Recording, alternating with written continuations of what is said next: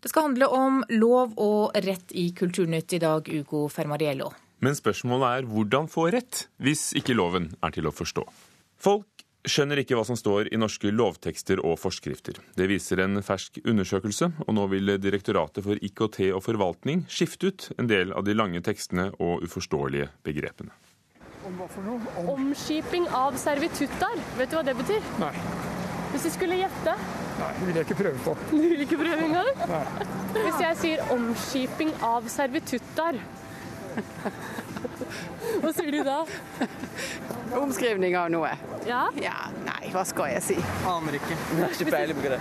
Det var jo omskiping. Hvis du har rett til å gå over naboens eiendom for å komme fra døra di og ut på veien, så er det en servitutt. Det var servitutt. Men omskiping og avskiping Omlegge. Omlegge og, og fjerne. Fjerne. Ja. Anders Leisner, juridisk rådgiver hos Huseiernes Landsforbund, skjønner det meste i Norges lover. Det gjør ikke folk flest. En ny undersøkelse viser at lover og forskrifter har for vanskelig språk.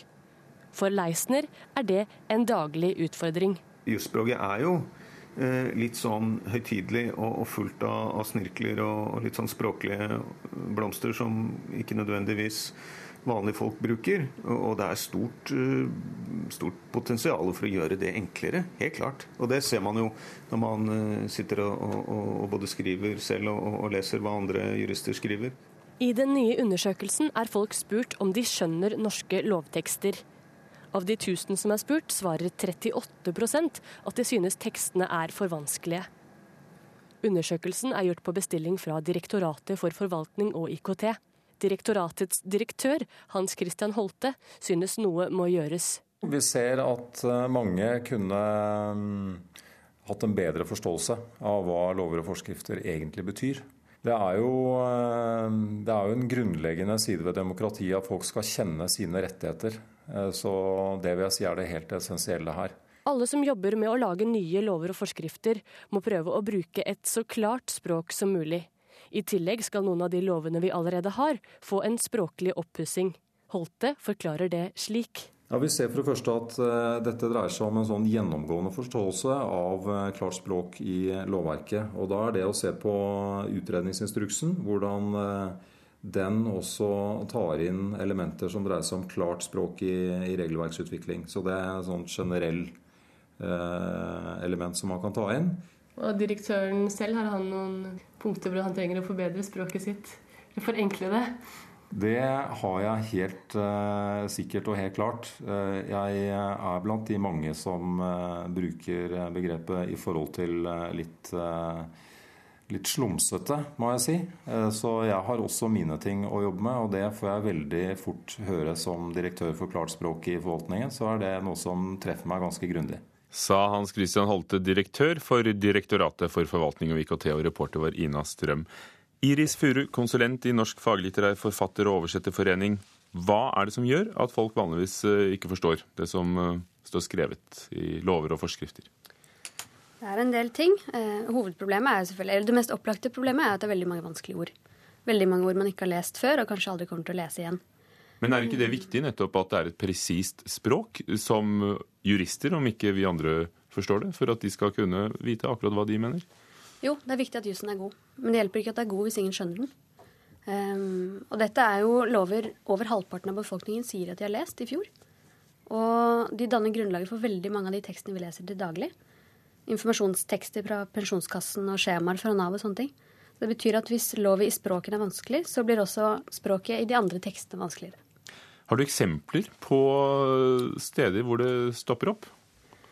Jeg har en del begreper fra den nye pensjonsloven som er litt um, vriene, om ikke annet. Kom med det. Alleårsregel, pensjonsbeholdning, basispensjonstillegg, nøytralt uttak og interpolering av pensjonen. Um, Vegvesenet, som er en ganske sånn ingeniørtett og faglig høy institusjon, de, sier, de pleier å si bituminest veidekke når de mener asfalt.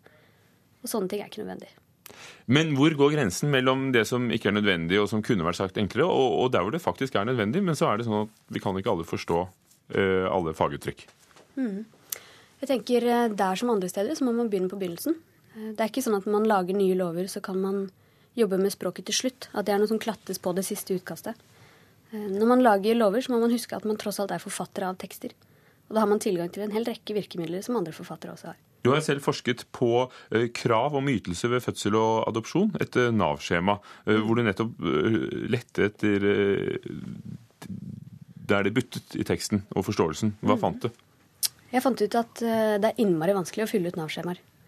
Og grunnen til det er ofte at de svarer på spørsmål som vi ikke helt skjønner hvorfor de spør om. De lurer på ting vi ikke skjønner hvorfor, eh, hvorfor vi må svare på. Og så glemmer de å forklare alle de faguttrykkene som folk flest ikke bruker til daglig. Men er det en motsetning noen ganger mellom godt lovspråk og et godt forståelig språk? Kan det oppstå? Klart det kan oppstå, men eh, det er ingen skam å forklare. Og folk flest er ikke jurister. Det tror jeg de som skriver lover, må ta inn over seg. Eh, og som eh, språkkonsulent, hva ville ditt råd eh, vært til lovmakerne? Ta utgangspunkt i den som skal lese, og ikke den som skal skrive. Skjønn hva de ikke skjønner, og så begynner du der, og så forklarer du det som er vanskelig. Takk skal du ha. Iris Furu, konsulent i nettopp Norsk faglitterær forfatter- oversetterforening.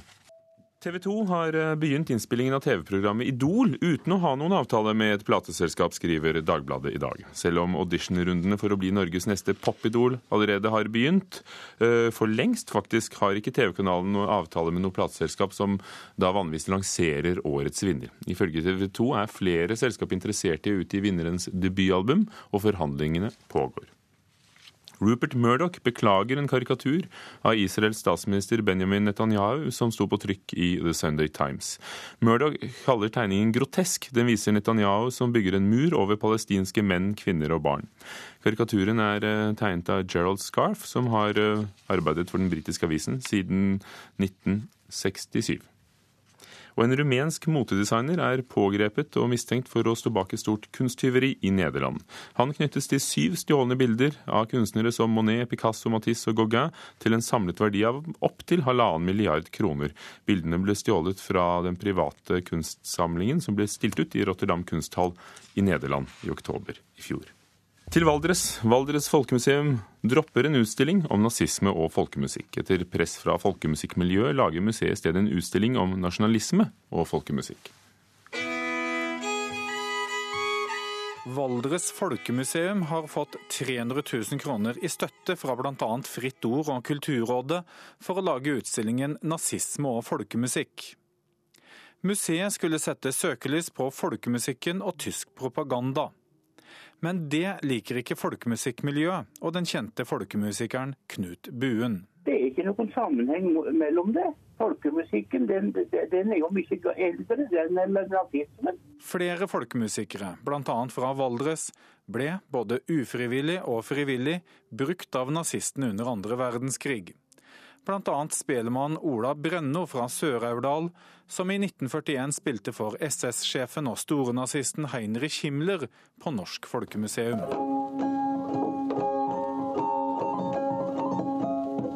Og nå har Valdres Folkemuseum snudd.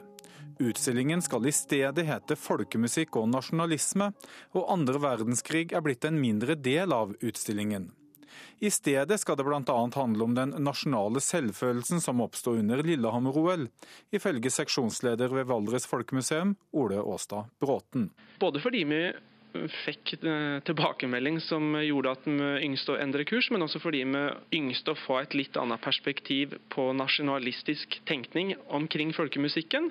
Og Da var det naturlig å vende tidspillet enda lenger bakover, og også enda lenger framover. Slik at dette her ikke bare skulle handle om andre verdenskrig, men nasjonalismens historie. Men Knut Buen er på langt nær fornøyd med endringen. Det, det er egentlig enda mer fokusering på sammenstillingen av disse tinga. Så jeg syns ikke det gjør saken noe særlig bedre, kanskje enda verre. Så du vil rett og slett ikke ha fokus på folkemusikk og nasjonalisme?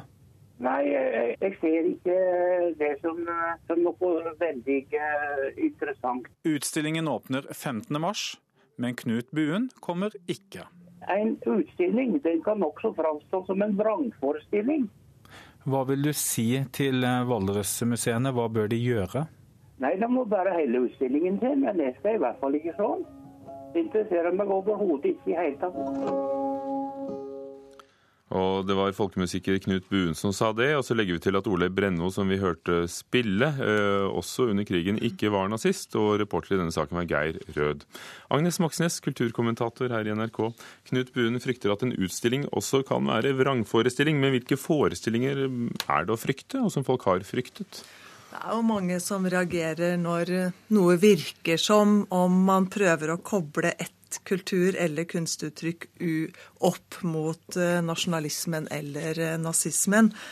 Eh, det er jo det Knut Buen frykter her, at folkemusikken atter en gang liksom skal slås i hardkorn med høyreekstreme ideologier. Og da begynner det lett å koke i hoder, og folk går i skyttergravene, og det er vel det Knut Buen holder på med her. Dette har jo skjedd bl.a. Eh, med Wagners musikk i Tyskland, som ble, ble brukt av nazistene og, og, og, siden ble assosiert med det. Men, og, Vi hørte i reportasjen her Himmler som dro til Norsk Folkemuseum for å høre folkemusikere spille. Er folkemusikk blitt straffet eh, pga. assosiasjonene som ble skapt? Ja, det tror jeg nok. Det er jo altså sånn at uh, nazistene de dyrket uh, norrøne. Det gjorde jo da SS-sjefen Heinrich Himmler til en norgesvenn. Han mente jo det at han så jo gjennom liksom, bunadsbruk og folkemusikkbruk og stadig liksom begeistret prat prat om Olav den helliges bragder. At dette var liksom det vi holdt på med i Norge. En slags sånn harmonisk kulturmodell. og jeg tror nok det er riktig å si at folkemusikken på sett og vis er blitt eh, straffet pga. dette synet her, selv om det var slik at også liksom eliten i Norge på 1800-tallet under nasjonsbyggingen tenkte akkurat i samme baner. Men samtidig er jo folkemusikken en veldig populær bevegelse og, og musikkform, som eh, blander seg med mange andre musikkformer. Men hvordan, hvordan straffes den i dag? Ja, Det er vel vanskelig å si at den straffes, men altså, det reageres når den type problemstillinger problemstillinger dukker opp sånn som det vi ser her. Fordi folkemusikken har altså Det må en jo bare ta inn over seg at den har til tider vært stokk konservativ. Men det har skjedd veldig veldig mye med norsk folkemusikk de siste årene. Det har åpnet opp, det har blitt nyskapende. Du har fått folk som f.eks. Frikar. Så, så, nettopp derfor så tror jeg det var veldig mange som reagerte da Trond Giske i 2008 kom med en mangfoldsmelding hvor han, altså innledet dette mangfoldsåret, hvor han ikke hadde tatt med folkemusikken i det hele tatt.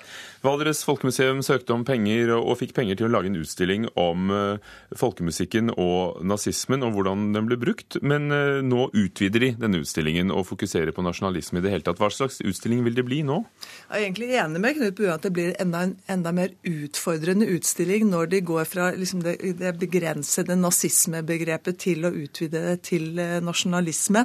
Ikke minst når man ser det liksom sett i, i lys av det som pågår av debatten om hva norsk kultur egentlig er eh, for tiden.